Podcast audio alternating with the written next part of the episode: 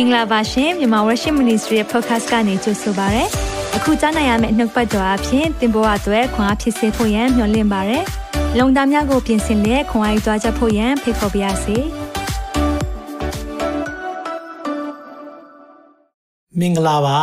ရောက်စီတိုင်းဖျာရှင်ကောင်းကြီးပေးပါစေဖျာရှင်နာမ၌ကြိုးဆိုရဲကျွန်တော်နာမည် David Kim ပါမြန်မာ Worship Ministry International ရဲ့အမှုတော်ဆောင်တစ်ယောက်ဖြစ်ပါတယ်သင်ရဲ့ပထမဦးဆုံးချိန်ဖြစ်တယ်ဆိုရင်တော့သင်ကိုအထူးပဲကြိုးဆိုပါရစေတစ်ချိန်တည်းမှာပဲကျွန်တော်တို့နဲ့အတူအခုလိုပဲဖျာရဲ့အမှုတော်မြတ်ထဲမှာပါဝင်ဖို့ရန်အတွက်လက်တွဲတဲ့ Kingdoms Partner တွေလည်းကျေးဇူးတင်တယ်ဒါကြောင့်မလို့အားလုံးပေါ့နော်ဒီနေ့နိုင်ငံတော်လက်တွဲဖို့တွေကိုလည်းကျေးဇူးတင်ပါတယ်မြန်မာ Worship နဲ့လက်တွဲခြင်းနဲ့ဆိုရင်လည်းပြီးကြရင်ဆီယမကအဆုံးသားလေးမှာဘယ်လိုလက်တွဲလို့ရတယ်ဆိုတဲ့အကြောင်းလေးကိုအပတ်စဉ်ပြောပြထားတာကိုလည်းအာနားထောင်ရင်းနဲ့ပါဝင်ဖို့ရန်အတွက်ဖိတ်ခေါ်ပါရစေဒီနေ့အာယုံကြည်ခြင်း series အကြောင်းကျွန်တော်သွားနေတာအပိုင်း9ကိုရောက်လာပြီဒီနေ့ပြောမယ့်အရာလေးကကျွန်တော်တို့အခုဖြစ်ပျက်နေတဲ့အရာလေးပေါ့နော်မြန်မာနိုင်ငံရဲ့ဖြစ်ပျက်နေတဲ့အရာကျွန်တော်ဘဝမှာဖြစ်ပျက်နေတဲ့အရာလေးအတွက်ကိုအင်မတန်မှအာကွက်တီဖြစ်နေတဲ့အရာလေးတစ်ခုဖြစ်တယ်နော် အင်တန်မှအကျုံးဝင်မဲ့အရာလေးဖြစ်တယ်။အဲကြောင့်ဒီနေ့ကြားမဲ့အရာကကြားဖူးပြီးသားဖြစ်ကောင်းဖြစ်မယ်။ဒါပေမဲ့ဒီနေ့ဖခင်ရဲ့အသက်ဖွင့်ပြတဲ့အရာလေးကြားရဖို့ရန်အတွက်ကျွန်တော်နှလုံးသားတွေကိုပြင်ဆင်ရအောင်။အာမင်။ဒါကြောင့်ဝန်ခံနေကြနှုတ်ဘတ်တော်ဝန်ခံရင်းနဲ့တွားရအောင်။ နှုတ်ကပတ်တော်သည်ကျွန်ုပ်ချီရှိမှမိခွက်ဖြစ်၍ကျွန်ုပ်လန်ကီကိုလင်းစေပါ၏တစ်ခေါက်လောက်ဝန်ခံပါအောင်နှုတ်ကပတ်တော်သည်ကျွန်ုပ်ချီရှိမှမိခွက်ဖြစ်၍ကျွန်ုပ်လန်ကီကိုလင်းစေပါ၏ကျွန်တော်တို့သွားရမယ့်လမ်းဘာလုပ်ရမလဲဆိုတာဖခင်ရဲ့နှုတ်ကပတ်တော်ကဖွင့်ပြပါစေခဏလောက်စက္ကန့်အနံ့ရအောင်အသက်ရှင်တော်ဖခင်နာမတော်ကိုချီးမွမ်းပါ၏ဒီနေ့စနေနေ့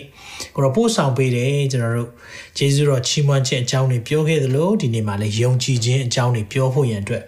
ရောက်ရှိလာပါပြီကိုရောဒီနေ့ကျွန်တော်တို့ကိုကိုရောရဲ့နှုတ်ပတ်တော်အဖြစ်နားလည်စေပါကျွန်တော်သွားရမယ့်လမ်းခီကိုအလင်းပြပါဝိညာဉ်တော်ဖျားဦးဆောင်လမ်းပြရေးပို့ဆောင်ပါကိုရောနေရာနေရာပေးတယ်တရားမှာတရားကိုရောကိုပုံအပ်ပါ၏ချိန်တိုင်းအားလုံးကိုကိုရောလက်ဝင်တဲ့အနန္တနဲ့ခါမှာတပါးရောသားရမြတ်သခင်ရှုနာမှာ၌စက္ကန့်အနံဆုတောင်းကြပါ၏ဖအာမင်အာမင်အာမင်ဒီနေ့ပြောမယ့်အရာလေးကမုံတိုင်းထဲကငြိမ်သက်ခြင်းကြောင့် peace in the storm ဆိုတော့မုံတိုင်းနဲ့ညီသက်ချင်းဆိုတဲ့အရာကြီးကစန့်ကျင်ဘက်လိုဖြစ်တယ်တခုကမုံတိုင်းဒါပေမဲ့ညီသက်ချင်းဆိုတော့နှစ်ဖက်ကပြောမယ်ဆိုရင်တော့ ဆန့်ကျင်ဘက်လိုဖြစ်နေတယ်ဒါပေမဲ့အဲ့ဒီမုံတိုင်းထဲမှာလဲညီသက်ချင်းရနိုင်တယ်ဆိုတဲ့အရာလေးကိုဒီနေ့လေ့လာသွားရအောင်เนาะဒါကြောင့်ဒီနေ့ခေါင်းစဉ်ကိုတော့မုံတိုင်းထဲမှာညီသက်ချင်းလို့ခေါင်းစဉ်ပေးထားတယ်เนาะဆိုတော့အပိုင်း9ရောက်လာပြီအာယုံကြည်ခြင်း series ကဒါဒုတိယအတွဲဖြစ်ပါတယ်เนาะပထမအတွဲလဲကျွန်တော်တို့ပြောခဲ့တယ်ဒီဒုတိယအတွဲလဲနားထောင်ပေးပါခုနအာညီငယ်တယောက်သက်သေခံတဲ့အရာဆိုရင်တော့ဒီ series တွေအလိုက်သူလေ့လာနေတဲ့အရာတွေအများကြီးပဲเนาะကျွန်တော်တို့ note ပတ်တော်တွေ ဖော်ဖော်တည်တည် MWTV မှာရှိနေပါတယ်အကုန်လုံးတင်ထားပေးပါတယ်ဒီအရာတွေအားလုံးကိုနားထောင်ပါဘာကြောင့်လဲဆိုတော့ကျွန်တော် YouTube တွေ internet တွေမှာဒီအရာတွေပိတ်ခံရတော့မယ့်အရာတွေအရေးအယောင်တွေအများကြီးတွေ့နေရပြီ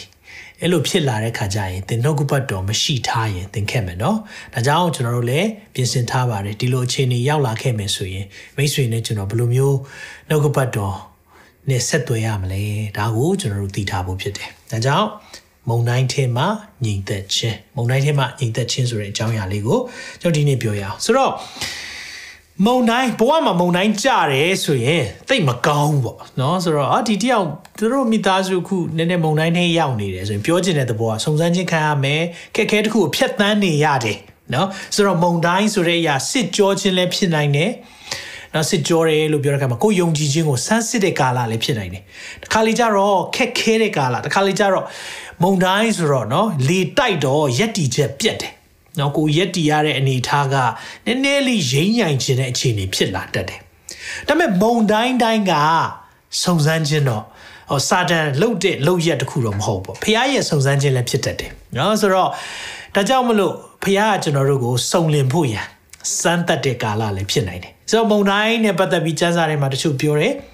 ဆိုတော့ယောနာအကြောင်းမှတ်မိမယ်ထင်တယ်နော်ယောနာကအေးအေးစစ်စစ်ပဲနော်ဖခင်ရဲ့သွားခိုင်းတဲ့နေရာတွေစန့်ကျင်ဖက်အရက်ကိုသူအေးစေးကောက်ပြီးတော့တင်မောစီးသွားတယ်เนาะတင်မောကလည်းဖြစ်ချင်တော့ in the quati เนาะသူသွားမဲ့ချိန်မှာရှိနေတယ်ဆိုတော့မုံတိုင်းတွေအကြီးကျယ်ကြတယ်တဲ့ဖျားအလိုတော်ထဲမရှိရင်လည်း မုံတိုင်းထဲမှာရှိနေတတ်တယ်ဒါပေမဲ့အံ့ဩဖို့ကောင်းတာကဒီဖျားလူတော်မှာမရှိတဲ့ prophet ယောနာကြီးကအေးအေးဆေးဆေးအိတ်နိုင်တယ်နော်တခါတခါလေးကြာရင်ကျွန်တော်တို့ကဟိုအိတ်ပျော်တယ်ဆိုတိုင်းတော့နော်ဖျားလူတော်ထဲရှိတာမဟုတ်ဘူးပေါ့တခါလေးတချို့တွေကဖျားလူတော်မရှိဘဲနဲ့လေအိတ်ပျော်နိုင်တာတွေရှိတယ်လေနော်ယောနာလူဒါပေမဲ့အခုဒီနေ့ပြောမယ့်အကြောင်းအရာကြတော့မုံတိုင်းထဲကိုဖျားအလိုတော်မရှိပဲရောက်တာမဟုတ်ပဲねဖျားအလိုတော်ကြောင့်ရောက်သွားတဲ့အကြောင်းပြောရအောင်เนาะဒါကြောင့်ဒီနေ့ယုံကြည်ခြင်းအကြောင်းပါမယ် နောက်ဖခင်ရဲ့တက်ဆွမ်းနိုင်ခြင်းအကြောင်းတွေကိုဒီနေ့ပြောသွားရအောင်ဆိုတော့ကျွန်တော်ကျွန်တော်ဒီယုံကြည်ခြင်း series ရဲ့လက်ဆွဲကင်ဆွဲထားတဲ့ကျမ်းပိုက်လေးကိုလည်းအရင်ဆုံးဖတ်ကြည့်အောင်ဟေပြဆက်တဲ့ငယ်6ယုံကြည်ခြင်းမရှိရင်ဘုရားသခင်စိတ်တော်နဲ့မတွေ့နိုင်။ကြောင့်မူကားဘုရားသခင်အထံတော်သို့ချင်းကပ်တော်သူသည်ဘုရားသခင်ရှိတော်မူသည်ကို၎င်းကိုရောကိုရှာတော်သူအားအကျိုးပေးတော်မူသည်ကို၎င်းယုံကြည်ရမည်။ဘုရားကိုရှာတဲ့သူကိုဘုရားတွေ့ခံတယ်။ ဒါပေမဲ့ယုံကြည်ခြင်းမရှိရင်တော့ဘုရားစိတ်တော်လုံးဝမတွေ့ဘူး။ဆိုတော့ကိုကဘုရားစိတ်တော်တွေ့ခြင်းနဲ့ဆိုရင်တော့တခုလုပ်ဖို့လိုတယ်။ယုံကြည်ခြင်းရှိရမယ်။အဲကြောင့်ယုံကြည်ခြင်းဆိုတဲ့အရာမှာဒီနေ့ကျွန်တော်ပြောလာတာအပိုင်း9ကိုရောက်လာပြီเนาะယုံကြည်ခြင်းဆိုတဲ့အရာကလွယ်မလို့နဲ့တခါလီမှာခက်တယ်ဒါပေမဲ့ခက်မလို့လို့နဲ့လည်းလွယ်တာလည်းရှိတယ်အဲကြောင့်ယုံကြည်ခြင်းရှိဖို့ဘုရားကပေးနိုင်တယ်ယုံကြည်ပါเนาะဒါကြောင့်ဒီဘုရားကိုရှာတဲ့သူဘုရားချိုးပေးမယ် နော်ဆိုတော့ကျွန်တော်ဒီနေ့ဖရာရဲ့အလိုတော်ထဲမှာမုံတိုင်းထဲရောက်သွားတဲ့အကြောင်းကိုဒီနေ့လေ့လာရအောင်ဒီအကြောင်းအရာဘယ်မှာတွေ့ရလဲဆိုတော့မဿဲခရစ်ဝင်ကျမ်းခန်းကြီး14ထဲမှာဒီအကြောင်းအရာကိုတွေ့ရတယ်အငယ်20ကနေကျွန်တော်ဖတ်ချင်တယ်ဒီအကြောင်းအရာကိုမာကု6မှာလည်းဖော်ပြထားတယ်နောက်ပြီးတော့ယောဟန်6မှာလည်းဖော်ပြထားတယ်ဒါပေမဲ့မဿဲ14မှာပြည့်ပြည့်စုံစုံဖော်ပြထားတဲ့အတွက်မဿဲ14ထဲကနေကျွန်တော်ကောက်နှုတ်ပြီးတော့ပြောပြချင်တယ်22ကိုဖတ်ချင်ပါတယ်။ ယေရှုသည်စီးဝေးသောသူတို့ကိုလွတ်တော်မူစဉ်တွင်တပည့်တော်တို့ကိုလှေစီးစေ၍ကမ်းတစ်ဖက်သို့အရင်ကူးစေတော်မူ၏တဲ့။ဆိုတော့တပည့်တော်တွေအရင်လွတ်လိုက်တယ်တဲ့။စီးဝေးသောသူတို့ကိုလွတ်ပြီးမှဆိုတော့သူ့နောက်ကိုလိုက်တယ်။ဆိုတော့ဒီအဖြစ်ပြက်မတိုင်ခင်လေးကိုဖတ်ကြည့်ရင်မုံငါးလုံးနဲ့ငါးနှကောင်ကျွေးတဲ့အဖြစ်ပြက်။ဆိုတော့လူတွေအများကြီးနော်အမျိုးသားချင်းချင်းငါးတောင်ဆိုတော့မျိုးသမီးတွေပါမယ်ကလေးတွေပါမယ်ဆိုရင် ဖြစ်နိုင်ခြေရှိတာကဒါเนาะ scholar တွေပြောပုံရဆိုရင်တော့အနည်းဆုံးလူ2000လောက်ကိုကျွေးမွေးတာဆိုတော့လူ2000လောက်ကိုကျွေးမွေးထားတဲ့အခါမှာအများကြီးလူတွေကလည်းဝမ်းသာကြတယ်ဘိုက်ပြေတာဟုတ်ဆိုတော့ဘိုက်ပြေလူတွေကစိတ်ပျော်တယ်ဆိုတော့ဘိုက်ပြေတဲ့စိတ်ပျော်ပြီးတော့အဲ့လိုရှိတဲ့ချိန်အလုံးပြန်ခိုင်းလိုက်တယ်တဲ့တပည့်တော်တွေကြတော့ဘာလုပ်လိုက်လဲဆိုတော့အိုင်တစ်ဖက်ကိုအရင်ကူးသွားကြတဲ့ तू ကဘာလုပ်နေလဲ तू ကြတော့ စီဝဲသောသူတို့ကိုလွှတ်ပြီးမှဆုတောင်းပတနာပြုအပ်သောငါတောင်ပေါ်၌စိတ်ကိုယ်ရရက်သို့တက်ကြွသဖြင့်တဲ့ဆိုဆုတောင်းဖို့သူကကြာသွားလိုက်တယ်တောင်ပေါ်မှာဆုသွားတောင်းမယ်ညအချိန်ရောက်တော့ခါတယောက်တည်းရှိတော်မူ၏တောင်ပေါ်ကနေဂါလိလဲအိုင်အောင်ကြီးလိုက်တဲ့ခါမှာတော့မုန်တိုင်းလာမယ်ဆိုတာတော့ကောင်းကောင်းမြင်ရလိမ့်မယ်နောက်တစ်ချက်ကဖျားဖြစ်တဲ့ခါမှာသခင်ယေရှုကတိပြီးသားမုန်တိုင်းလာမယ်ဆိုတော့ဒီမှာကြည့်ရအောင်နော်ဒီတပည့်တော်တွေတအုပ်စုလုံးကိုမုန်တိုင်းထဲပို့လိုက်တာအဲကြောင့် ဖျားအလိုတော်ကလွဲသွားရင်လည်းမုံတိုင်းကြုံတတ်တယ်လို့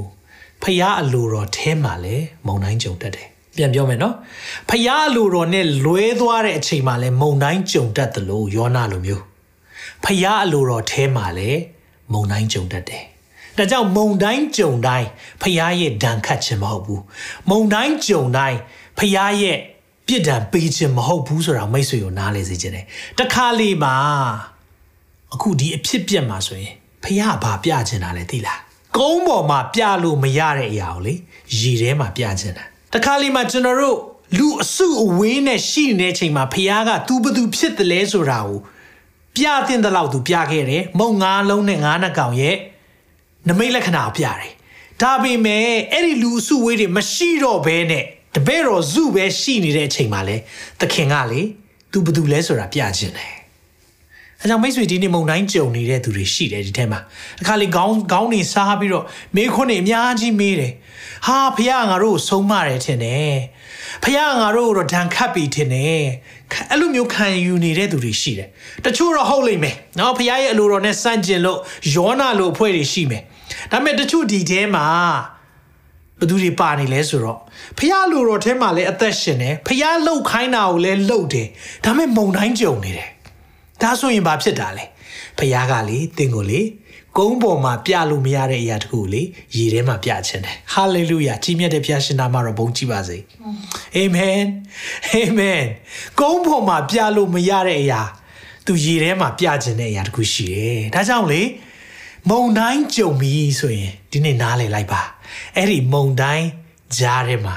ငြိမ်သက်ခြင်းအရှင်ရှိနေတယ်ဟာလေလုယာ ငြိမ်သက်ခြင်းအရှင်ရှိနေတယ်ဆိုတာမမေ့နဲ့ဒီဇက်လန်လေးကိုဆက်ကြည့်အောင်ညအချိန်ရောက်တော့ကတယောက်တည်းရှိတယ်သူတယောက်တည်းရှိတယ်24လှေမှုကအာအလယ်၌ရှိ၍လေမသိတော့ကြောင့်လှိုင်းတဘူလှုပ်ရှားခြင်းကိုပြင်းစွာခံရ၏ဆိုတော့ဆိုတော့လေတစ်တဲ့ဘက်ကိုမသွားဘဲနဲ့စန့်ကျင်ဘက်ကြီးဖြစ်နေပုံရတယ်ဆိုတော့သူတို့ဒီဒီမုံတိုင်းကိုတော်တော်လေးကို struggle ဆိုတာသူတို့ရုံရင်းဆန်ခတ်ဖြစ်ပြီးတော့တော်တော်စူးစမ်းနေရတယ်တပည့်တော်တွေက အဲ့ဒီအချိန်မှာမေခွန်းမေးစရာရှိလာတာသခင်ကဒါတွေကြိုမသိဘူးလားငါတို့ဘာကြောင့်မုံတိုင်းနဲ့ပို့တာလဲနော် complaint တက်မယ်ဆိုဒီချိန် complaint တက်စရာအများကြီးရှိတယ်ဒါပေမဲ့ဖះကလေတခုခုသူပြချင်တယ်သူတခုခုပြချင်တဲ့အတွက်တခါလေမှမုံတိုင်းတွေကိုကျွန်တော်တို့ပို့လိုက်တဲ့အချိန်ရှိတယ်မိတ်ဆွေမကြောက်နဲ့ ဟာလေလုယာမကြောက်နဲ့ဇလန်ကိုဆက်ကြည့်အောင်ည3ချက်တီးချိန်အချိန်နိုင်เนาะဒါ the fourth hour လို့ခေါ်တယ်เนาะ first hour ဆိုရင်ည6နာရီကနေ9နာရီ second hour ဆို9နာရီကနေ7 third hour ဆိုရင်9နာရီကနေမိနစ်3နာရီ the fourth hour ဆိုရင်3နာရီကနေ6နာရီเนาะအဲ့ဒီအကြောင်းကိုနောက်ပိုင်းပြောပြမယ်ဒါပေမဲ့ဒီနေ့အမီလေးပြောပြမယ်အဲ့3နာရီကနေ6နာရီလေအဲ့ဒီအချိန်ကမာနမုတ်ကောက်ရတဲ့အချိန်ဖြစ်တယ် ကောင်းကြီးမင်္ဂလာရခြင်းနဲ့ဖះနဲ့နီးစပ်ခြင်းနဲ့အဲ့3နိုင်နဲ့6နိုင်မှာဖះနဲ့အချိန်ယူကြည့်။အဲကြောင့်တစ်ခါလေးမှာဖះကအဲ့ဒီအချိန်မှာနှိုးတတ်တယ်။ဒီမနေ့လည်းဖះကျွန်တော်အဲ့ဒီအချိန်မှာနှိုးတယ်။အန်ရဖြစ်မဲ့ຢာတွေကြိုတင်ပြီးတော့ကျွန်တော်တို့အတွက်မကောင်းမဲ့ຢာတွေပေါ်ပြတယ်အိမ်မက်အားဖြင့်။အဲ့ဒီအတွက်ကျွန်တော်တို့ဘာလုပ်ဖို့လိုလဲ။ဆုတောင်းဖို့လိုတယ်။နော်ဒါကြောင့်ဒီမနေ့ကျွန်တော်အစိုးရဖះနှိုးနေပြီ။အဲ့ဒီအချိန်ပေါ့။၃ချက်ဒီအချိန်ကြော်တဲ့အချိန်ဆိုတာ မနက်3နာရီနဲ့6နာရီဖះနှုတ်တက်တယ်အဲ့ဒီအချိန်မှာအမြဲတမ်းဖះနဲ့ချိန်ယူတဲ့လူကဖះရဲ့မဆာခြင်းအမြဲခံစားရတယ်နော်နောက်ပိုင်းကျရင်အဲ့ဒါကိုအတိအကျပြောပြမယ်ငွေ25ည3ချက်ဒီကြော်အချိန်တိုင်းယေရှုသည်အိုင်ပေါ်မှာဆက်တော်ဖြန့်၍တပည့်တော်ရှိရသို့ကြွတော်မူ၏ဖြတ်လာတယ်နော်ထို့သောအိုင်ပေါ်မှာဆက်တော်ဖြန့်၍ကြွတော်မူသည်ကိုသင်တို့သည်မြင်လင်ထိတ်လန့်၍နော်ကြောက်တာပေါ့သူတို့လည်းဖုတ်တစေဖြစ်သည်ဟုကြောက်သောစိတ်နှင့် အော်ဟစ်ကြ၏ဆိုရုတ်တရက်ကြီးမုံတိုင်းထဲမှာသူတို့တွေယုံရင်းဆန်ကပ်ဖြစ်ပြီးလှေကိုစူးစမ်းထိန်နေတဲ့အချိန်မှာရုတ်တရက်ကြီးသခင်ပေါ်လာလို့ဘွားဆိုတာဟာဒါတော့သစီတရေပဲဖြစ်မှာပဲဆိုអော်ကြတယ်ယေရှုသည်ချက်ချင်းနှုတ်ဆက်တယ်ချက်ချင်းသိတယ်တည်ကြည်သောစိတ်ရှိကြသော be still ငါပင်ဖြစ်သည် is me နော်ကျွန်တော်တမဟောင်းထဲမှာဆို be still and know that i am god နော်အဲ့ဒီချိန်မှာတော့ be still it's me မကြောက်လန့်ကြနဲ့မကြောက်နဲ့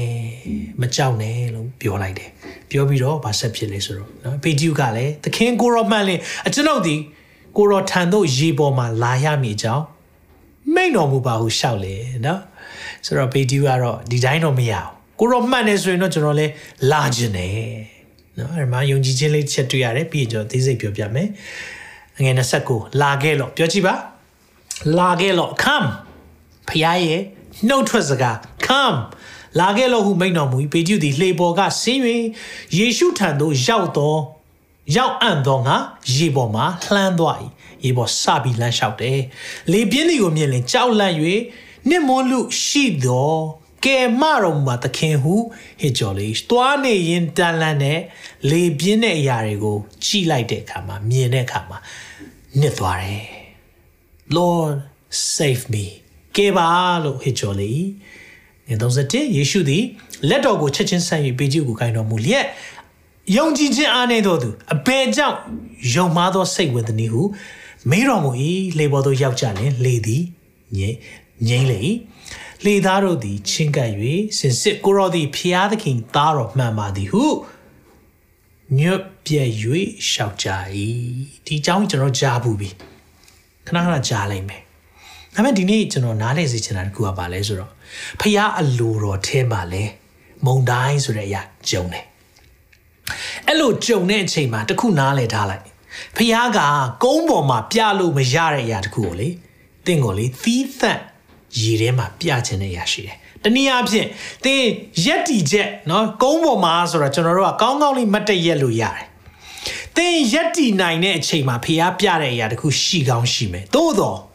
င်ရက်တီဖို့ခက်တယ်ရေပေါ်မှာဆိုတာအဲ့ဒီရက်တီဖို့ခက်တဲ့အချိန်မှာလေသခင်ကသူဘသူလဲဆိုတာပြခြင်းတယ်ကျွန်တော်ယုံကြည်သူဘွားကလေတကယ်တော့တခုပဲသခင်ဘသူလဲဆိုတာနေ့တိုင်းပိုသိဖို့ပဲလုပ်တာဘာကြောင့်ကျမ်းစာဖတ်လဲသခင်ဘသူလဲဆိုတာပိုသိခြင်းတယ်ဘာကြောင့်ဆူတောင်းလဲသခင်ဘသူလဲဆိုတာပိုသိခြင်းတယ်ဘာကြောင့်အခုလိုနှုတ်ပတ်တော်တွေခံယူကြလဲ online မှာသခင်ဘသူလဲဆိုတာပိုသိခြင်းတယ်ဒါကျွန်တော်တို့ယုံကြည်သူများရဲ့တပည့်တော်ဖြစ်ခြင်းလောက်ရမယ့်အရာသခင် ကိုရောနီးသူကိုရောကဲ့သို့ကျွန်တော်သခင်ကိုပိုသိလာရင်သခင်ဘယ်လိုစိတ်ထားရှိလဲသခင်ဘာဖြစ်စေခြင်းလဲကျွန်တော်တို့ကဒီလိုပဲအသက်ရှင်ရမှာဖြစ်တယ်အဲကြောင့်ဒီအကြောင်းအရာလေးတွေကိုကြည့်တဲ့အခါမှာတော့နော်မုံတိုင်းဆိုတဲ့စစ်ကြောခြင်းခက်ခဲခြင်းရက်တီချက်ပြက်ပြက်ဖို့ရန်အခြေအနေကြုံပြီမယ်ဘုရားတကူပြခြင်းတယ်အဲ့ဒီထဲမှာကျွန်တော်ယုံကြည်ခြင်း lesson လေးတွေရှိတယ်ယုံကြည်ခြင်းနဲ့ပတ်သက်ပြီးတော့သင်ယူစရာလေးတွေရှိတယ်ပေတျုကတော့ ကောင်းတဲ့ဥပမာလည်းဟုတ်တယ်လို့ကျွန်တော်တို့အတွက်တတိထားရမယ့်ဥပမာတစ်ခုလည်းသူပြတယ်เนาะဒါလေးတွေရက်တီချက်ခက်ခဲတဲ့ချိန်မှာသခင်ဘယ်သူလဲဆိုတာကျွန်တော်တို့လေ့လာကြည့်အောင်เนาะဒါကြောင့်ဒီနေ့ပထမအဆုံးချက်ဒီခုဒီရဲ့ဂျမ်ပိုက်ကနေကျွန်တော်ရတဲ့အရာလေးတခုကဘာလဲဆိုရင်เนาะသခင်ကဘာကြောင့်မလို့လူတွေကိုလွတ်လိုက်လဲဆိုတဲ့အရာအရင်ဆုံးနားလည်ဖို့လိုတယ်ဒီရဲ့ story เนาะယောဟန်ခရစ်ဝင်ကျမ်းခန်းကြီး6ထဲမှာကျွန်တော်တွေ့တဲ့အခါမှာ ခုနကတော့မဿဲ14ထဲမှာလည်းဒါကိုပြောတယ်ဒါပေမဲ့အဲ့ဒီပြောတဲ့အချိန်လေးမှာပဲနော်ယောဟန်ရဲ့မှတ်တမ်းတင်တဲ့ပုံကြတော့ဘာလဲဆိုတော့နမိတ်လက္ခဏာတွေကိုသခင်ကပြတယ်နော်ဘယ်လောက်ထိပြလဲခုနယောက်ျားချင်းချင်း9000နော်ကလေးတွေပါရင်နှစ်2000လောက်ရှိမယ်အဲ့ဒါကိုဘာနဲ့ကြွေတာဆိုမုံ9လုံးနဲ့9နှကောင်မဖြစ်နိုင်တဲ့အရာ supernatural ဆိုတာတဘာဝလွန်အဖြစ်ပြတဲ့ကြွေလိုက်တာဒါကြောင့်ကျွန်တော်ကိုးကွယ်တဲ့ဖရားလေတဘာဝတိတ်မကြောက် ဘာကြောင့်လဲတဘာဝလွန်ဖရားဖြစ်လို့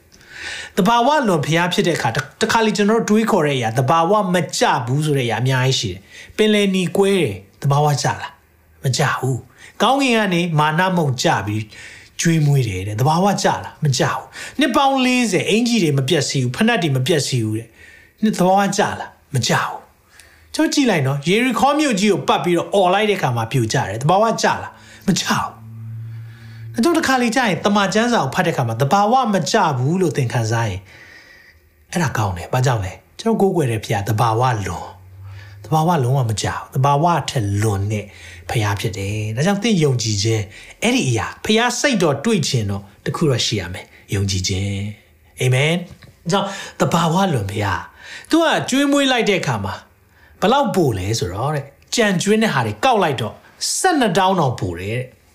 12တောင်း ကျွန်တော်စဉ်းစားကြည့်တယ်ဘာကြောင့်သခင်က12တောင်းပို့တာလဲတကယ်တော့လေဒီဘက်တော့12ရအောင်လေတယောက်တစ်တောင်းကဲငါဘာလို့လဲသိလားဘိုးဘေးတွေကိုလေကောင်းကင်ကနေမုံကြပြီးကျွေးမွေးခဲ့တာတခြားလို့မဟုတ်ဘူး I am the bread of life ငါအသက်မုံဖြစ်တယ်ဆိုအဲ့မှာပြောတာနော်အဲ့ဒါကိုပြတာ तू ပြပြီးတော့ကဲမယုံမှာဆိုးလို့အပူတော်မှကင်ခိုင်းထားခိုင်းလိုက်ရင်တယောက်တစ်တောင်းသခင်ကအလိုလောက်တာနော် သူဘယ်သူလဲဆိုတာပြတယ်ဒါပေမဲ့လေအံ့ဩဖို့ကောင်းတာလူတွေကလည်းဘိုက်တွေဝါတော့ဘာလှုပ်ချင်ကြလဲဆိုတော့အဲ့ဒီမှာယောဟန်6ထဲမှာသူလူတွေကိုအားလုံးကိုပြန်ခိုင်းလိုက်တာပြီးတော့တောင်ပေါ်တက်ပြီးဆူတောင်းတာတပည့်တော်တွေကိုမုံတိုင်းထဲကိုပို့လိုက်တာ ဘာကြောင့်လှုပ်တာလဲဆိုတဲ့အဖြေလေးတစ်ခုပါတယ်အဲ့ဒါဘာလဲဆိုတော့ယောဟန်6ငယ်73မှာ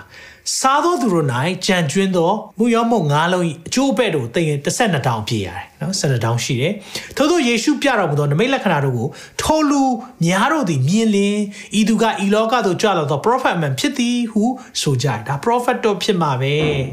အငယ်15 key point ထိုသူတို့သည်ကိုရောကို ရှင်ဘရင်အရာ၌ချီးမြှောက်ခြင်းကလာ၍အနိုင်ထက်ပြုမိအကြောင်းကိုယေရှုသိတော်မူလင်တောင်ပေါ်သို့တယောက်တည်းကြွတော်မူပြန်၏ရှင်ဘရင်ခန့်တော်မှာသူ့ကိုဘရင်လောက်ခိုင်းတော်မှာကျွန်တော်ပြောပြမယ်လူတွေကလေဘိုင်ဝါပြီးတော့အလိုဆန္ဒပြည့်တဲ့အချိန်မှာလေတင်းနောက်လိုက်ခြင်းလိမ့်မယ် တင်းနောက်လိုက်ခြင်းနဲ့ဟိုမှာသခင်ဟာသူတို့အလိုဆန္ဒပြည့်ဒါတေချာတယ်ငါတို့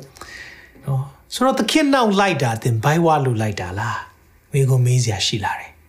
သခင်နောက်လိုက်တာကထာဝရအသက်အတွက်လိုက်တာလားဒါမှမဟုတ်ကောင်းကြီးမင်္ဂလာဆိုတဲ့စားရလို့ကောင်းကြီးမင်္ဂလာဆိုတဲ့ဝိရလို့အဲ့ဒါကြောင့်လိုက်တာလားဒါဆိုရင်တော့အဲ့ဒီလူအုပ်လိုပဲရှင်ပြေအရာတင်ကျင်တယ်တဲ့အဲကြောင့်သူထွက်ပြေးတာအော်ဘုကောင်းတယ်နော်ဖះကလေ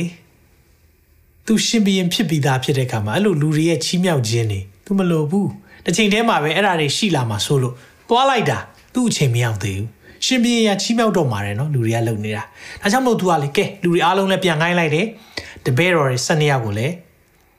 မုံတိုင်းနဲ့လွတ်လိုက်တယ်။ဘာကြောင့်လဲဆိုတော့ယုံကြည်ခြင်းရဲ့အကြောင်းအရာလေးတစ်ခုသင်ပေးခြင်းလို့ဖြစ်တယ်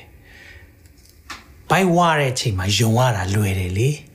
နမိတ်လက္ခဏာတွေတွေ့တဲ့အခါမှာဖះအောင်ဘာတူလဲလို့ယုံရတာလွယ်တယ်။လွယ်တယ်။ဒါကြောင့်လဲသူတို့ကဘယင်မြောက်ချင်တာ။ဒါပေမဲ့မုံတိုင်းကြုံလာရရင်သခင်နောက်လိုက်ဖို့ခက်ခဲတတ်တယ်။မုံတိုင်းကြုံတဲ့ထဲမှာမုံတိုင်းထဲမှာသခင်ဘသူလဲဆိုတာကိုတွေးဖို့ရန်ခက်ခဲတတ်တယ်။ဒါကြောင့်တပည့်တော်တွေကမုံတိုင်းထဲမှာသခင်ကိုတွေးတော့ဖောက်သစေလို့ထင်တာ။သခင်လို့မထင်ဘူးဖောက်သစေလို့ထင်တယ်။ အဲကြောင့်တစ်ခါလေးမှာသခင်ကိုဘသူလဲဆိုတော့ကျွန်တော်တို့ဝေဝါးနေတဲ့အမြင်တွေကိုဒီနေ့ရှင်းရအောင်။သခင်ကိုဘလို့မြင်လဲ။သခင်ကို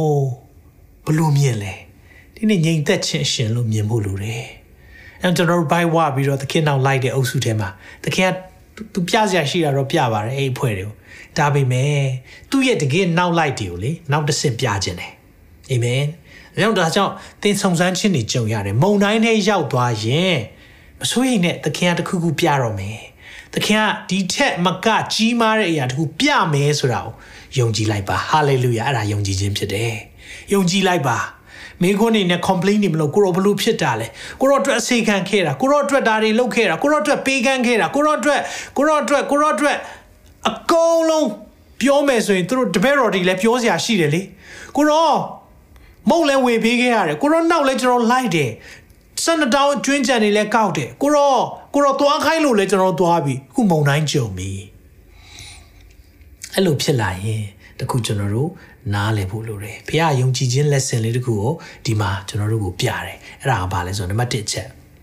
ယုံကြည်ခြင်းမှာလှမ်းရဲဖို့လိုအပ်တယ်ယုံကြည်ခြင်းမှာလှမ်းရဲဖို့အထူးသဖြင့်မုံတိုင်းကြားထဲမှာသင်လှမ်းရဲလားအဲ့ဒီအရာလေးကိုဘုရားပြတာနော် ခက်တယ်ခက်တယ်ကျွန်တော်ဒီနေ့ပြောမယ့်အကြောင်းအရာနော်ရေပေါ်မှာပေကြီးလမ်းလျှောက်တဲ့အရာထက်ယုံကြည်ခြင်းအပိုင်းလေးကိုဘုရားဒီနေ့ပြောတာအဲကြောင့်ယုံကြည်ခြင်းမှာလေလှမ်းရဲဖို့လိုတယ်ပေကြီးကတော့ရှင်းတယ်မဿဲ14အငယ်28မှာကိုရောမှန်တယ်ဆိုလာခြင်းတယ်တဲ့အငယ်29မှာဗာပြောလဲလှမ်းခဲ့တဲ့ဒီနေ့ပေကြီးကိုတော်တော်များများအပြစ်တင်ကြတယ်သူသဖြင့်တရားဟောဆရာတွေကပေကြီးကိုဆိုရေးလဲပြောတာ ပေကြီးကွာယုံကြည်ခြင်းမရှိဘူးမုံတိုင်းနေဘေးအန်ဒီရီကိုကြည်လိုက်တော့သူနှစ်သွားတယ်ပေကြီးခမရလဲတော့ခဏခဏပြောခံရတယ်ဒါမဲ့တင်တတိထားမိလားစနေရောက်ထဲမှာလေလေထဲကနေထွက်သွားရဲတာပေတီးတယောက်ပဲရှိရနော်တတိထားမိလားဟိုစက်တယောက်အေးစီးပဲသူတို့အေးစီးပဲနောက်မှနေနေတာတွေ့လားယုံကြည်ခြင်းဆိုတာအားဒါကိုပြောတာ ဒါကြောင့်မလို့ယုံကြည်ခြင်းကိုတဲ့ဆရာကြီးတရားပြောဖို့တဲ့ RISK လို့စလုံးပေါင်းတယ်တဲ့ပြောချင်တာ risk risk ယူတယ်ဆိုတာစွန့်စားရဲတာလှမ်းရဲတာလှုပ်ရဲတာအဲ့ဒါယုံကြည်ခြင်းအဲကြောင့်မလို့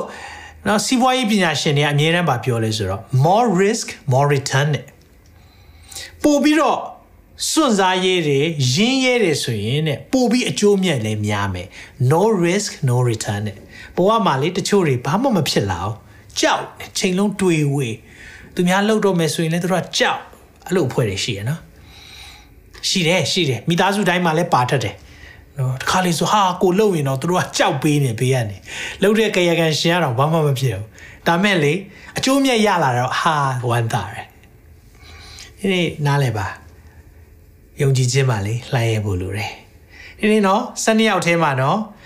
ကျန်တဲ့၁၁ယောက်ကတော့လေအေးဆေးပဲနေတာဒါပေမဲ့ပေတီးရဲ့ခံယူချက်ကိုကျွန်တော်ပြောပြမယ်ပေတီးကဒီလိုခံယူတာ I rather sink while stepping out then play safe while staying back ပြောချင်တဲ့သဘောဟာအေးအေးစစ်စစ်လေးလေပေါ်မှာလုံလုံချုံချုံနေရတာထက်စာရင်တော့လှမ်းကြည့်ပြီးနစ်သွားတာ okay တယ်လို့ခံယူတာဒါကြောင့် तू ကလေကိုရောကျွန်တော်လာမယ်လို့ပြောတာ တော့တော်တော်များများအဲ့အချက်ကိုမပြောဘဲနဲ့ပေတျုရေနှစ်သွားတာကပေးပတ်ဝန်းကျင်ကိုကြည်လို့အခြေအနေကိုကြည်လို့ကျွန်တော်တို့ပြောတတ်တယ်ကျွန်တော်ဆိုရင် set အဲ့ဒီပေတျုလောက်မှာမဟုတ်ဆက်တယောက်လိုပဲနေပါနောက်မှာပဲအေးဆေးလေးနေနေမှာအမေဖះအဲ့ဒီအထင်းမှာနေဖို့တော့မရှိဘူးလမ်းခဲ့ပါတဲ့တကယ်တော့ပေတျုကလေရေပေါ်မှာရှောက်သွားတာမဟုတ်ဘူးနော်ဟာဆရာရဲ့ဒီမှာရေပေါ်မှာရှောက်သွားတယ်လို့ပြောမဟုတ်ဘူးတကယ်တော့ဖះရှောက်ဖះကလာခဲ့လို့ ဖះရဲ့နှုတ်ကပတ်တော်ပေါ်မှာရှောက်သွားတာဟာလေလုယာဖះရဲ့နှုတ်ကပတ်တော်ပေါ်မှာရှောက်သွားတာသင်ရေပေါ်မှာရှောက်သွားတယ်ထင်တာမဟုတ်ဘူးနော်လာခဲ့လို့ဆိုတဲ့စကား come ဆိုတဲ့စကားပေါ်မှာရှောက်သွားတာအဲကြောင့်မိတ်ဆွေယုံကြည်ခြင်းခီးလာမှာဒါကြောင့်တချို့တွေဒီကျမ်းပိုက်ကိုကြည့်ပြီးတော့ဒါဆိုရေပေါ်လမ်းလျှောက်ကြည့်လေသခင်က come လို့မပြောမချင်းသင်ရှောက်ရင်လည်းနှစ်မှာပဲ ဒါမဲ့သခင်ကလာခဲ့ပါလို့ပြောတဲ့စကားကြားပြီဆိုရင်တော့အဲ့ဒီစကားပေါ်မှာသင်လျှောက်သွားလို့ရတယ်ဟာလေလုယာအကြောင်းတချို့ကျွန်တော်တို့မနစ်မြုပ်သင့်မဲ့နစ်မြုပ်တာဘာလို့လဲဆိုတော့ကျွန်တော်တို့ကသခင်စကားမကြားပဲလှုပ်ချင်တာတွေအများကြီးရှိတယ်သခင်မခိုင်းမဲ့လှုပ်နေတာတွေအများကြီးရှိတယ်သခင်မညွန်ကြားပဲကျွန်တော်တို့လှုပ်ချင်နေတာတွေအများကြီးရှိတယ်အဲ့လိုအခြေအနေတွေမှာဘုရားရဲ့ပြတာတဲ့ ဘုံကိုသိမ့်မမြင်ရဘူးဒါပေမဲ့ come လာခဲ့ပါလို့ပြောတဲ့စကားပေါ်မှာသူရှောက်သွားတာမိတ်ဆွေဒီမှာမြင်လားမသိဘူးဒါကြောင့်မလို့လေ I rather sink ကျွန်တော်ဒီနေရာမှာဆိုလဲလေစမ်းလို့စမ်းကြည့်လိုက်မယ်လေဘဝမှာနောင်တတွေရပြီးတော့မလုတ်ခဲရအာလှုပ်လိုက်ရင်ကောက်တော်တော်များများအလုပ်ခံယူတယ်အခုလူအိုယုံနေမှာတဲ့စစ်တမ်းကောက်ထားတာရှိတယ်အသက်60တရားကျော်တွေကိုမေးတယ်ဘဝမှာဘာနောင်တအရဆုံးလဲတဲ့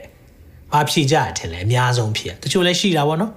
မိသားစုတွေနဲ့ပိုချိန်ယူသင့်တယ်ဖြေတဲ့ဟာအများကြီးရှိတယ်ဒါပေမဲ့အဲ့ဒီထဲမှာ number 1 top ထိတ်ဆုံးအဖြေကဘာလဲဆိုတော့ဘဝမှာဒီထက်စွန့်စားခဲ့တဲ့နာ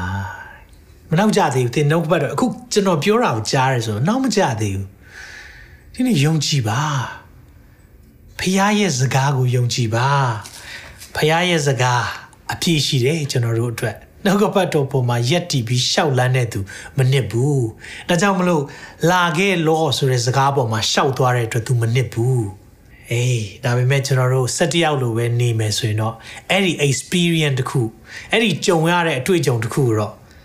သင်ကြုံရမှာမဟုတ်ဘူးဒါကြောင့်မလို့ဖခင်ကခေါ်တယ်ဆိုရင်တော့ရှောက်လန်းရဲပါတချို့လူတွေဖခင်ကခေါ်နေတယ်နော်သိတယ်ကိုခေါ်နေပြီဆိုတာသိတယ်ကိုလောက်ရမယ့်အရာတွေဒါပေမဲ့ မလှမ်းရဲဘူးချီတုံချတုံဖြစ်နေတယ်မလုံရဲဘူး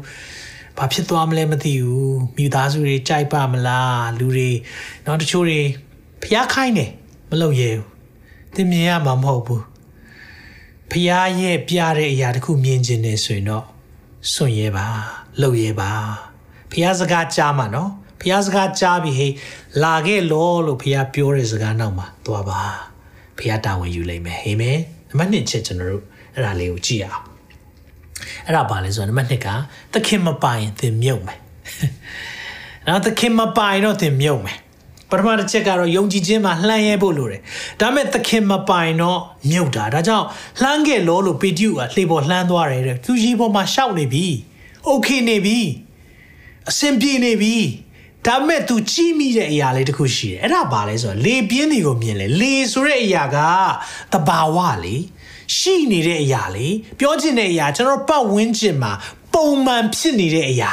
အဲ့ဒီပုံမှန်ဖြစ်နေတဲ့အရာလေးတစ်ခုကိုမြင်လိုက်ပြီးဟေးဆိုရင်တော့နှစ်တက်တယ်ကျွန်တော်တို့ရောနှစ်ဖူးလားနှစ်တာပေါ့ခဏခဏဖရားရဲ့စကားဒီလိုကြားရင်တော့လေရှောက်လန်းတာသွားနေရင်တန်းလန်းတဲ့တဘာဝပဲပေါ့နော်တဘာဝလို့ပြောတဲ့ခါမှာမိသားစုအရေးကိစ္စနော်ဒါမှမဟုတ်ရင်ကျွန်တော်ပုံမှန်အလုပ်လုပ်နေရင်တန်းလန်းတယ်အဲ့ဓာတွေပေါ်မှာသွားပြီးအာယုံရောက်မိတဲ့အချိန်မှာလေချက်ချင်းနှစ်တာ အဲ့ဘုရားကကျွန်တော်တို့ကိုဒီနေ့သူ့စကားထဲမှာရက်တည်ဖို့အလိုရှိတယ်အလိုရှိတယ်ဒါကြောင့်ပတ်ဝန်းကျင်ကိုကြည်လိုက်တယ်ဆိုရင်ဘာဖြစ်သွားတာလဲသိလားသခင်ကိုမျက်ခြေပြတ်သွားတာသခင်ကိုမျက်ခြေပြတ်သွားတဲ့နေ့သင်နစ်မယ်ပြန်ပြောမယ်နော်သခင်ကိုမျက်ခြေပြတ်သွားတဲ့နေ့သင်နစ်မယ်အဲကြောင့်ကျွန်တော်တို့အမြင်နေ fix your eyes ကျွန်တော်တို့ဖျားကိုမြင်နေတဲ့အရာကိုအမြဲတမ်းရှေ့ရှုဖို့လိုတာ မရှိမရှိဘူးဆိုရင်တော့သင်နစ်မယ်ကျွန်တော်ဖြစ်ဖြစ်တခုပြောပြခြင်းတယ်ဒီအကြောင်းအရာလေးအဲ့ဒါတော်တော်လေးဖတ်တဲ့အချိန်မှာကျွန်တော်အင်မတန်မှခွန်အားဖြစ်တဲ့အရာလေးအဲ့ဒါဘာလဲဆိုတော့ Nick Wallander ဆိုတဲ့ပုဂ္ဂိုလ်ဆိုတော့သူသူကဂျိုးဒန်ပေါ်မှာလမ်းလျှောက်တဲ့သူပေါ့ဒါပေမဲ့သူသူကဒါသူတို့မျိုးရိုးစင်ဆက်အလိုက်ဂျိုးဒန်ပေါ်လမ်းလျှောက်တာ generation သူဆိုရင်80မြောက်တောင်ရှိပြီတဲ့မျိုးဆက်80 ဆိုတော့သူတို့နှစ်ပေါင်း200ကျော်လောက်ရှိနေပြီဒီအလုပ်ပဲလုပ်စားနေကြတယ် stand သမားတွေเนาะဆိုတော့သူတို့မိသားစုကထူးဆန်းတာအဲ့ဒီတခုခုဆိုရင်တို့က safety လို့ခေါ်တာပေါ့ဒီခပတ်တီပါတွေတိတ်မပတ်ဘူးတော့အဲ့လိုမျိုးပေါ့နော်တော်တော်လေးစွန့်စားရဲ့တဲထိတ်ရင်ဖို့အရန်ဖြစ်တဲ့ခါမှာတို့အရန်နာမယ်ကြီးတယ်နော်တို့ဘယ်လိုခေါ်လဲဆိုတော့ the flying volunteer နော်တို့မိသားစုဒါပြန်နေတဲ့မိသားစုလို့တောင်တင်စားတာပေါ့ဆိုတော့သူကဘာလုပ်လဲဆိုတော့ Niagara ရေတခွန်မှာပဲ သူကအဲ့ဒီမှာကျွန်တော်ပုံလေးမြင်ရမယ်ထင်ပါတယ်နော်စတယ် US ဘက်ကစတယ်ကနေဒါဘက်အဲ့ဒီကအားလုံးဘယ်လောက်ရှိလဲဆိုတော့ပေ1800ကျော်အဲ့ဒါကိုသူနိုင်ဝက်လောက်နော်သူသူခီးအဲ့ဒီပုံမှာသွားရတယ်သူပြောတယ်နော်အဲ့ဒီဗီဒီယိုရှိတယ် YouTube မှာ live လွှင့်တာအဲ့တော့ဆိုတော့အဲ့လိုသွားတဲ့အချိန်မှာနော်အမြင့်ကလည်းပေ200နီးပါးရှိတဲ့အခါမှာတော်တော်လေးစိုးရိမ်စရာကောင်းတာပေါ့လူတွေလည်းတဲထိတ်ရင်ပိုကြည်ကြတယ် ဟောဒီဖြစ်ဖြစ်ကြည့်တဲ့အခါမှာသူအဲ့လိုလမ်းလျှောက်တယ်အောင်မြင်စွာသူသွားနိုင်တယ်အတာပဲလားဒါ2012တုန်းကသူလောက်တာပေါ့နော်ဒါဂျွန်လ15ရက်နေ့ဒါပဲမဟုတ်ပဲねပြီးခဲ့တဲ့2020တုန်းကလည်းသူလောက်သေးတယ်အဲ့ဒါကြတော့ဒီမီးတောင်အရှင်တစ်ခုကိုသူဖြတ်တာမီးတောင်အရှင်ကြီးပေါ်မှာသူဖြတ်တာဖြတ်ပြီးတော့သူရှောက်တယ်ဆိုတော့ဒါလည်းသူ့ရဲ့နော်ပေ1800ကျော်တော်တော်လေးသူအချိန်ကြကြဒီရေတကွန်ဖြတ်တာထက်ပိုပြီးတော့ခက်ခဲပြီးတော့သွားတယ် ဒီမိသားစုရဲ့နော်အထက်ကသူတို့ပြောတဲ့စကားလေးတွေကဘာလဲဆိုတော့ဒီလိုလုံနိုင်တဲ့အရာတွေဘာကြောင့်လဲသူတို့ပြောတယ်ဘာအဓိကလဲလို့ပြောတော့တဲ့မိသားစုထဲကတယောက်ကဘာပြောဘူးလဲဆိုတော့ဘယ်တော့မှမပြောင်းလဲမဲ့မရွေ့တော့မဲ့အရာတစ်ခုကိုတဲ့အာယုံစိုက်ရတယ်တဲ့သူတို့လေ့ကျင့်တော့အဲ့လိုမျိုးကျင့်တယ်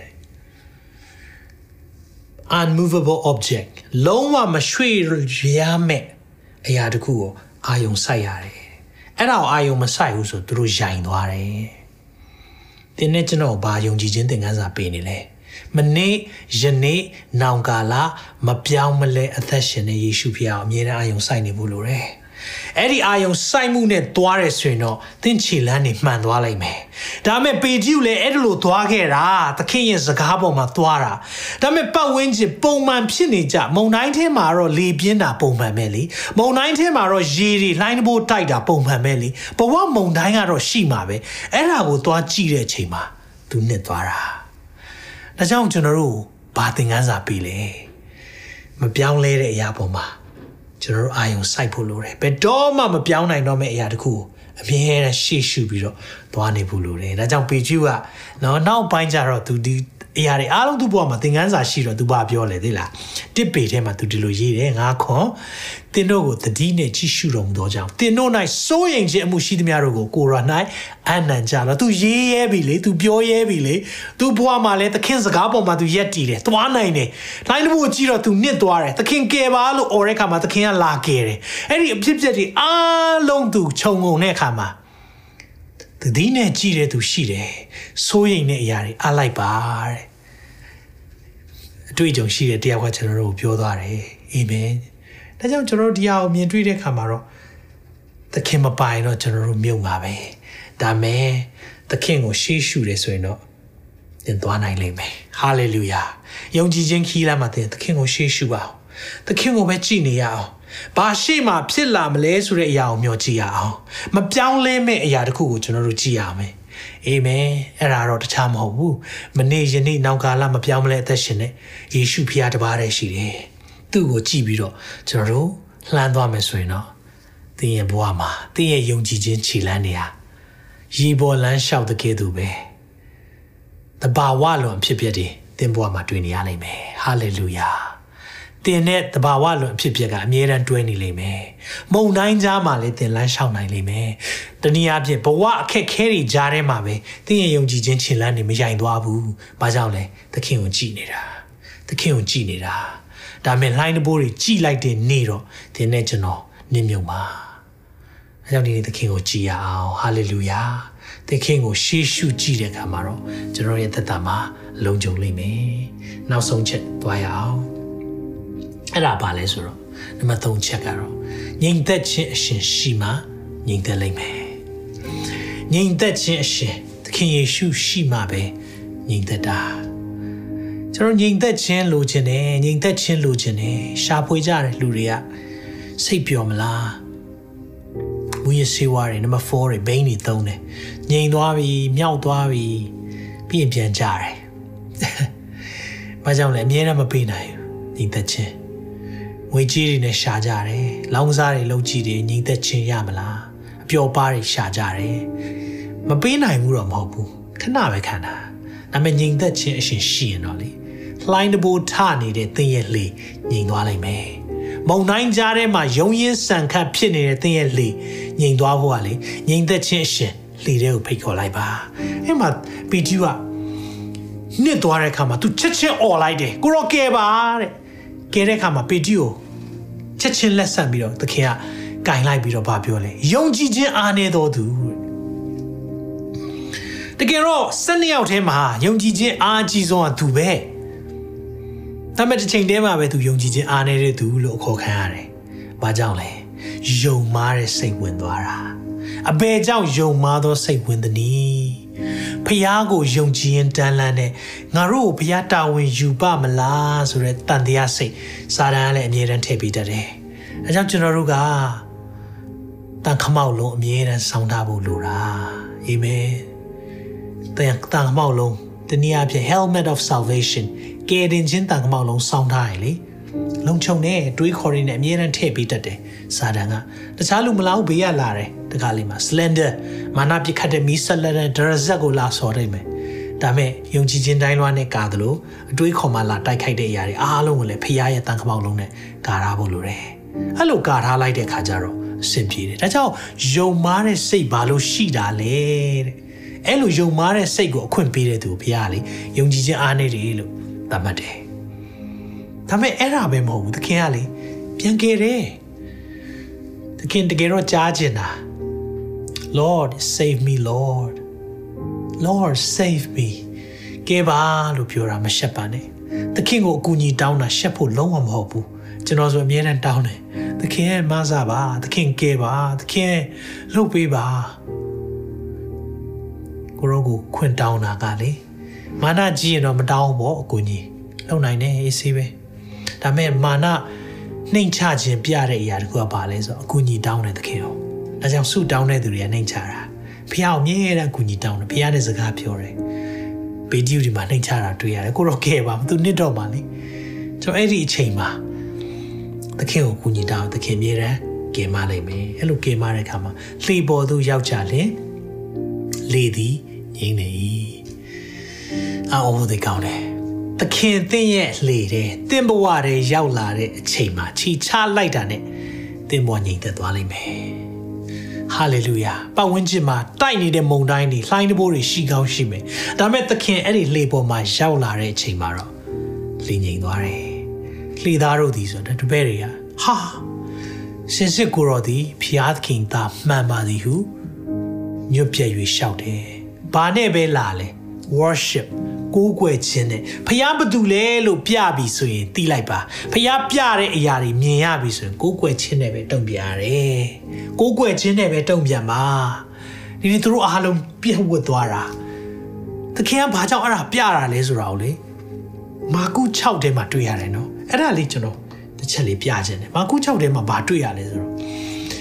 အတိုင်းတဲ့အလိုမိန်မော်တယ်တဲ့နော်သူတို့လေငိန်သွားပြီးတော့ အော်အော်တာပေါ့ဒီမုံတိုင်းတစ်ခုလုံးငိန်သက်သွားတယ်ဆိုတာအင်မတန်မှအော်အော်စရာကြီးသူတို့လည်းအတိုင်းထက်အလွန်မိန်မောတွေ့ဝေခြင်းရောက်တယ်တဲ့မာကု6ငင်51မှာ52မှာဘာကြောင့်အဲ့လိုအံ့ဩတာလဲတဲ့သူအံ့ဩတဲ့အကြောင်းလည်းပြောထားတယ်သူတို့စိတ်နှလုံးမိုက်သည်ဖြစ်၍စိတ်နှလုံးကမိုက်မဲတယ်နော်အမပြောထားတယ်မုံနိုင်ပြတော်တကူတော်ကိုပမာဏမပြုကြသခင်လေ မုံငါးလုံးနဲ့ငါးနှကောင်နဲ့လူ9000ကိုကျွေးမွေးပြီးတော့12တောင်းပို့တဲ့အရာပုံမှန်ပဲလို့ထင်တာသူတို့အဲ့လိုပုံမှန်ပဲလို့ထင်တာပမာဏမပြုဆိုဒါလေးများဆိုတဲ့ပုံစံအဲ့ဒါကိုနှလုံးသားမိုက်မဲတယ်လို့ပြောတယ်ဒီနေ့ဖခင်ရဲ့ကြွေးမွေးခြင်းသင်ရှိနေပြီးတော့ဒါကတော့ပုံမှန်ပဲလို့မထင်ပါနဲ့အဲ့ဒါနှလုံးသားမိုက်မဲတဲ့သူဖြစ်တယ်ဒါပေမဲ့ယုံကြည်ခြင်းအားကြီးတဲ့သူတွေကြတော့လေဖခင်ကလေအဲ့ဒီနှလုံးသားမိုက်မဲတဲ့သူတခုခုပြခြင်းတယ်ကုန်းပေါ်မှာပြလို့မရတဲ့အရာ ရေထဲမှာပြလိုက်တယ်တွေ့ပြီလားငါဘယ်သူလဲသိလားသခင်ကလေ तू ဘယ်သူလဲဆိုတော့ကျွန်တော်တို့အမြဲတမ်းပြခြင်းတယ်ဒါကြောင့်မုံတိုင်းထဲမှာသင်ရောက်နေခဲ့ရင်လေမစိုးရိမ်နဲ့သခင်ကိုမျှော်ကြည့်ပါသခင်ကိုမျှော်ကြည့်တဲ့သူဘုရားပါဘာနဲ့ကျွန်တော်တို့ကိုခွန်အားပေးထားလဲဟိပြဲစနစ်ထဲအကြောင်းအရာဖတ်ပြီးကျွန်တော်အဆုံးသတ်မယ်ဟိပြဲစနစ် ငယ်တစ်ကနေသုံးဖတ်ခြင်းနဲ့ထို့ကြောင့်ဤမြလောက်များစွာသောတက်တဲ့အပေါင်းတို့သည်ငါတို့ကိုဝင်းရံလျက်ရှိသည်ဖြစ်၍ဟေပြဲဆက်တစ်ကိုဖတ်တယ်ဆိုရင်ယုံကြည်ခြင်းဖခင်နဲ့မိခင်တွေအကြောင်းအများကြီးရေးထားတယ်ဆိုတော့ဤမြလောက်များတဲ့တက်တဲ့အပေါင်းเนาะ great crowd of witness အများကြီးပဲเนาะယုံကြည်ခြင်းရဲ့တက်တဲ့ရှိတဲ့သူတွေရှိတယ်ဆိုရင်တဲ့ငါတို့ဒီခတ်သိမ်းသောဝင်ပြောကြည့်ပါခတ်သိမ်းသောဝင်လောကရဲ့လေးလံတဲ့ဝင်တွေတချို့ ရှိတယ်နှောက်ရှက်တတ်သောဒုစရိုက်စာတန်ကပေးတဲ့ဒုစရိုက်လုပ်တဲ့ဟာရှိတယ်အဲ့ဒါကိုပဲရှားမယ်ဆိုတော့တခါလေကျွန်တော်တို့မလိုအပ်ပဲနဲ့လူတွေလာတင်တဲ့ဝင်တွေရှိတတ်တယ်မိသားစုလာတင်တဲ့ဝင်တွေရှိတတ်တယ်ဒါတွေအားလုံးဖယ်ပါတဲ့ငါတို့မျက်မှောက်၌ထားသောပန်းတုံးနိုင်လူရောက်ခြင်းကအားမလျှော့ပဲပြေးကြကုန်ဟန်ချို့တွေဖះခေါ်နေပြီဘာပြောလဲဆိုတော့ဆရာကြီးမိသားစုအရေးကိစ္စအများကြီးလှုပ်ဆရာရှိသေးလို့ဂျေစုပြုရတော့ နောက်မှပဲဆက်ကပ်ပါမယ်တဲ့အဲ့ဒါခတ်သိမ်းသောဝင်နဲ့ထားနေတာဒီနေ့အဲ့ဒီလူတွေဖះလေတခါလေးမှလေသူတို့ဝင်တွေကိုကူပြီးထမ်းပေးခြင်းတယ်ဒါပေမဲ့သူတို့ကခဏလေးတော့ကိုရောခတ်သိမ်းသောဝင်ထမ်းနေရသေးတယ်ခဏလေးကိုရောအတွက်လှုပ်တော့လှုပ်ခြင်းတယ်ကိုရောပေးခြင်းတယ်အဲ့ဒီမှာလည်းရှိတယ်မိသားစုစု ဆရာကြီးလာတိုင်းပါဝင်ခြင်းတယ်ဒါပေမဲ့လေသူတို့မှပြောစရာအများကြီးရှိတယ်နောက်ဆုံးတော့မှအေးပါငါတို့ပဲပြန်ပေးပါမယ်ဆိုတာတော့စိတ်ကိုဖြစ်သွားတယ်အဲ့လိုလည်းရှိတဲ့ဖွဲ့တွေရှိတယ်သူတို့မှအများကြီးပြောစရာရှိတယ်ခတ်သိမ်းတော့ဝင်အဲ့ဒီသူတွေသွားတဲ့သူကပန်းတုံးတိုင်ရောက်ဖို့ပြေးဖို့လေသူတို့အားရော့တယ်ဒီမှာတော့ဖះပါပြောလေပန်းတုံးတိုင်သူရောက်ချင်းကအားမြော့ပဲပြေးကြကုန်ဟာ သွားရမယ်နော်ယူယူတော်သွားတာမဟုတ်ပြေးခိုင်းတယ်ယုံကြည်ခြင်းကိုအစဦးစီရင်၍စုံလင်စေတော်မူသောသခင်ယေရှုကိုစေစေထောက်ရှုကြကုန်ဟန်ဘသူ့ကိုကြည်ခိုင်းတာလဲသခင်ယေရှုကိုကြည်ခိုင်းတာမိမိသခင်သည်တဲ့ထိုသခင်သည်မိမိရှေ့၌ထားသောဝမ်းမြောက်ခြင်းအကြောင်းကြောင့်မကြောင့်မလို့ကားတိုင်းကိုထမ်းသွားလဲရှက်ကြောက်သောအရာကိုမမှတ်ဘဲလုံဝါကားတိုင်း၌ခံပြီးမှဘုရားသခင်ပင်လင်တော်လက်ရဖက်၌ထိုင်နေတော်မူ၏သူခံသွားတဲ့အရာတွေ သူကြုံတဲ့ဒုက္ခဆင်းရဲခြင်းတွေတနည်းအားဖြင့်မုံတိုင်းထဲမှာလည်းသခင်ရှိခဲ့တယ်ဒါပေမဲ့ကြမ်းကြမ်းခံပြီးဘာကြောင့်သွားနိုင်လဲဆိုတော့တဲ့သူရှေ့မှာထားတဲ့ဝမ်းမြောက်ခြင်း the glory set before him သူရမယ်ကြီးမြတ်တဲ့ဂုံပုတ်အဲ့ဒီအရာအတွက်သူကြည့်တဲ့အခါမှာတဲ့ကားရင်ထမ်းတာအောင်သူမရှက်ဘူးတဲ့ကားရင်ထမ်းတာအောင်ပင်ပန်းတယ်လို့သူမထင်ဘူးတဲ့အဲ့လိုသွားတယ် ခမဲတော်ရဲ့လက်ရဘက်မှာသူထိုင်ခွင့်ရသွားပြီအဲကြောင့်ကျွန်တော်တို့ယေရှုကိုစိတ်စိတ်ကြည့်ဖို့ဘုရားလိုတော်ရှိတာငယ်တော့အပြစ်ရှိသောသူတို့လက်တွင်ဤမြလောက်ကြီးစွာသောစီတာနောက်ဆက်ခြင်းကိုခံတော်မူသောသခင်ကို ထောက်ရှုဆင်ခြင်သောအဖြစ်သခင်ကိုကြည်ပါသခင်ကို example တာရကယူပါနမူနာယူပါအာရောစိတ်ပြည့်ခြင်းနဲ့ကင်းလွတ်အံ့သောငါစူးစမ်းကြပါ ဒီနေ့တချို့တွေယုံကြည်ခြင်းအားပြည့်နေပြီစိတ်ပြည့်နေပြီဟောပေးခြင်းနဲ့တင်မုံတိုင်းထဲရောက်နေတာတင်အပြစ်ကြောင့်ဟုတ်ချင်ဟုတ်မယ်ဒါဆိုရင်နောက်တရလိုက်ယောနာလိုဖះရှိမှတောင်းပန်လိုက်ဒါမဲ့တင်းရဲ့အဖြစ်ကြောင့်လည်းမဟုတ်ဘဲနဲ့မုံတိုင်းကြရင်ဆိုသခင်တခုခုပြတော့မယ်လူတွေတခြားလူတွေကိုပြလို့မရတဲ့အရာသင်ကိုပြလိုက်မယ်ကျွန်တော်တို့လည်းဂျုံခဲ့တယ်ဂျုံနေသေးပဲ ဖះပြတဲ့အရာကိုသိကျင်တဲ့အခါမှာကိုရောကိုရောအတွက်ကျွန်တော်လာခဲ့တယ်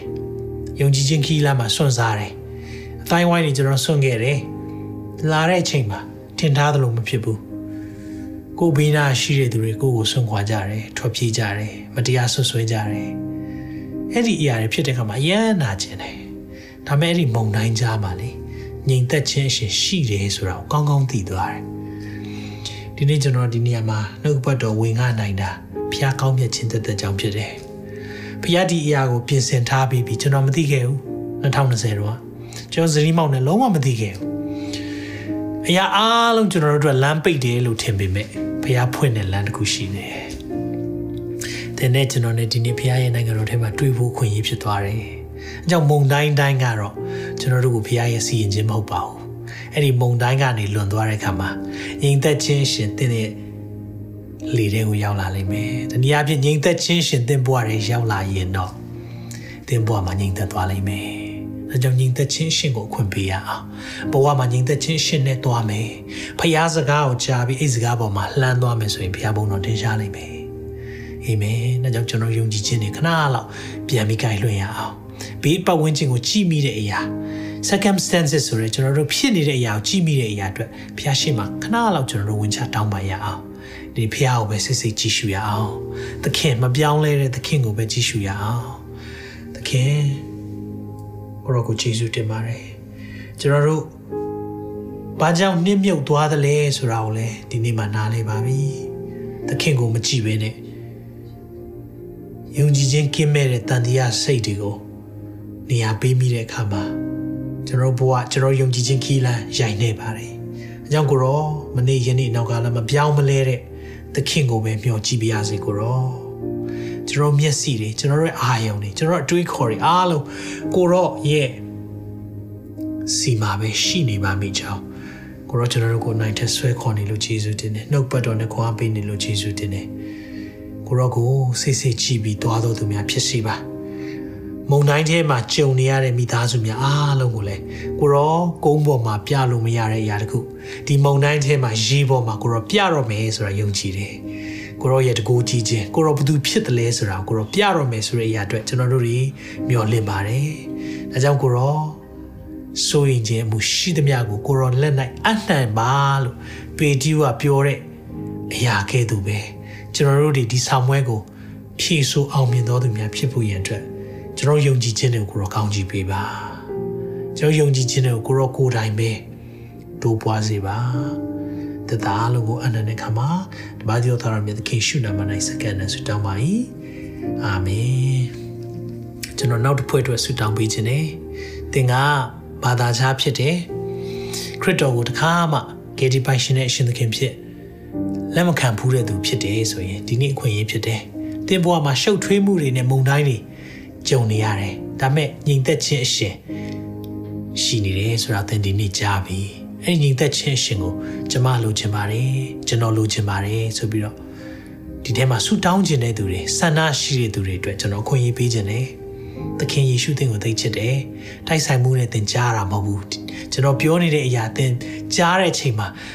သင်ကိုပြောနေပါလားလို့သင်ခံစားရဲဆိုရင်ကျွန်တော်ပြောတာမဟုတ်ဘူးဖခင်ကသင်ရဲ့နှလုံးသားတကားကိုခောက်နေတာဖြစ်တယ် တကားဖြတ်ပြီးဝင်လာမဲ့သူမဟုတ်ပါဘူးသခင်ကတကားခောက်တယ်ဆိုတာပိုင်ရှင်ကိုယ်တိုင်ကကိုဝင်ခွင့်ပေးတဲ့အရာကိုသခင်လိုချင်တယ်ကေဝေသခင်ကိုခွင့်ပြုမယ်ဆိုရင်ဒီနေ့မှာကျွန်တော်ဆူတောင်းပေးပါစေကျွန်တော်နောက်ကနေစိတ်နှလုံးပါလျက်လိုက်ပြီးတော့ဆူတောင်းပေးပါသခင်ယေရှုဖေဟာကျွန်ုပ်ဘဝရဲ့လုံခြုံရာညီသက်ခြင်းအရှင်ကိုဒီကနေ့မှာတွေ့ရှိရလို့ ယေရှုတင်ပါတယ်ကျွန်ုပ်ဟာအပြစ်သားပါအပြစ်အလုံးအတွက်နောင်တရပါတယ်ကျွန်ုပ်ဘဝကိုကိုရောရဲ့လက်မှာအပ်ပါတယ်ဘဝရဲ့မုံတိုင်းများလှိုင်းတဘိုးများကိုငြိမ့်စေနိုင်သောအရှင်သခင်ယေရှုဖျားကျွန်ုပ်ဘဝရဲ့လေထဲမှာလာရောက်ဖို့ရန်အတွက်ဖိတ်ခေါ်ပါတယ်ကျွန်ုပ်နှလုံးသားထဲမှာဝင်ရောက်အောင်ဆိုပါ သခင်ကို နေရာပေးပါတယ်ယေရှုနာမ၌ဆုတောင်းပါ၏အာမင်သင်ဒီဆုတောင်းချက်ကိုတောင်းနေဆိုရင်အာမင်ညီသက်ခြင်းရှင်ရောက်လာပြီသင်ဘဝရဲ့လိုင်းတဘိုးတွေအားလုံးကိုညီသက်သွားဖို့ရန်သခင်သင်ကိုကူမပါစေအာမင်ဖျားရှင်အရောက်စီတိုင်းကိုအထူးကောင်းချီးပေးပါစေ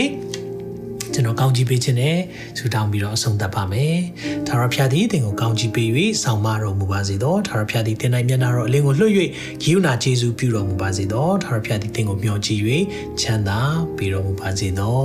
။ငွေကြေးနဲ့ဝယ်ယူလို့မရတဲ့လူတွေမပေးနိုင်တဲ့ဖျားသခင်ထံမှညီသက်ခြင်းများသင်နဲ့တင်မိသားစုပေါ်မှာ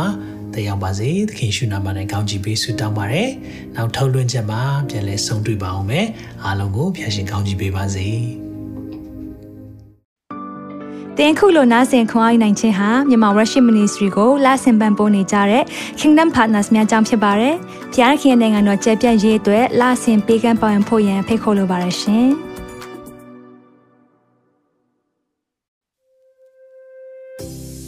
ခုကြားနာခဲ့ရတဲ့နှုတ်ပတ်တော်အဖြစ်ခွန်အားရရှိမဲ့လို့ယုံကြည်မျှော်လင့်ပါတယ်။ခွန်အားရဆိုလို့ရှိရင်ဒီတစ်ပတ်နဲ့ပြန်လည်ဝင်မြပေးဖို့ရန်တောင်းဆိုပါရစေ။မြန်မာ Worship Ministry ရဲ့ website myanmarworship.com ကိုလည်းလာရောက်လေ့လာဖို့ရန်အတွက်ဖိတ်ခေါ်ချင်ပါတယ်။တချိန်ထဲမှာမြန်မာ Worship Ministry ရဲ့ social media platform များဖြစ်တဲ့မြန်မာ Worship YouTube Channel, မြန်မာ Worship Facebook Page နဲ့မြန်မာ Worship Instagram များကိုလည်းလာရောက်လေ့လာဖို့ရန်အတွက်ဖိတ်ခေါ်ချင်ပါတယ်။နောက်တစ်ချိန်မှာပြန်လည်ဆုံတွေ့ကြပါစို့။ဖျားရှင်ကောင်းကြီးပေးပါစေ။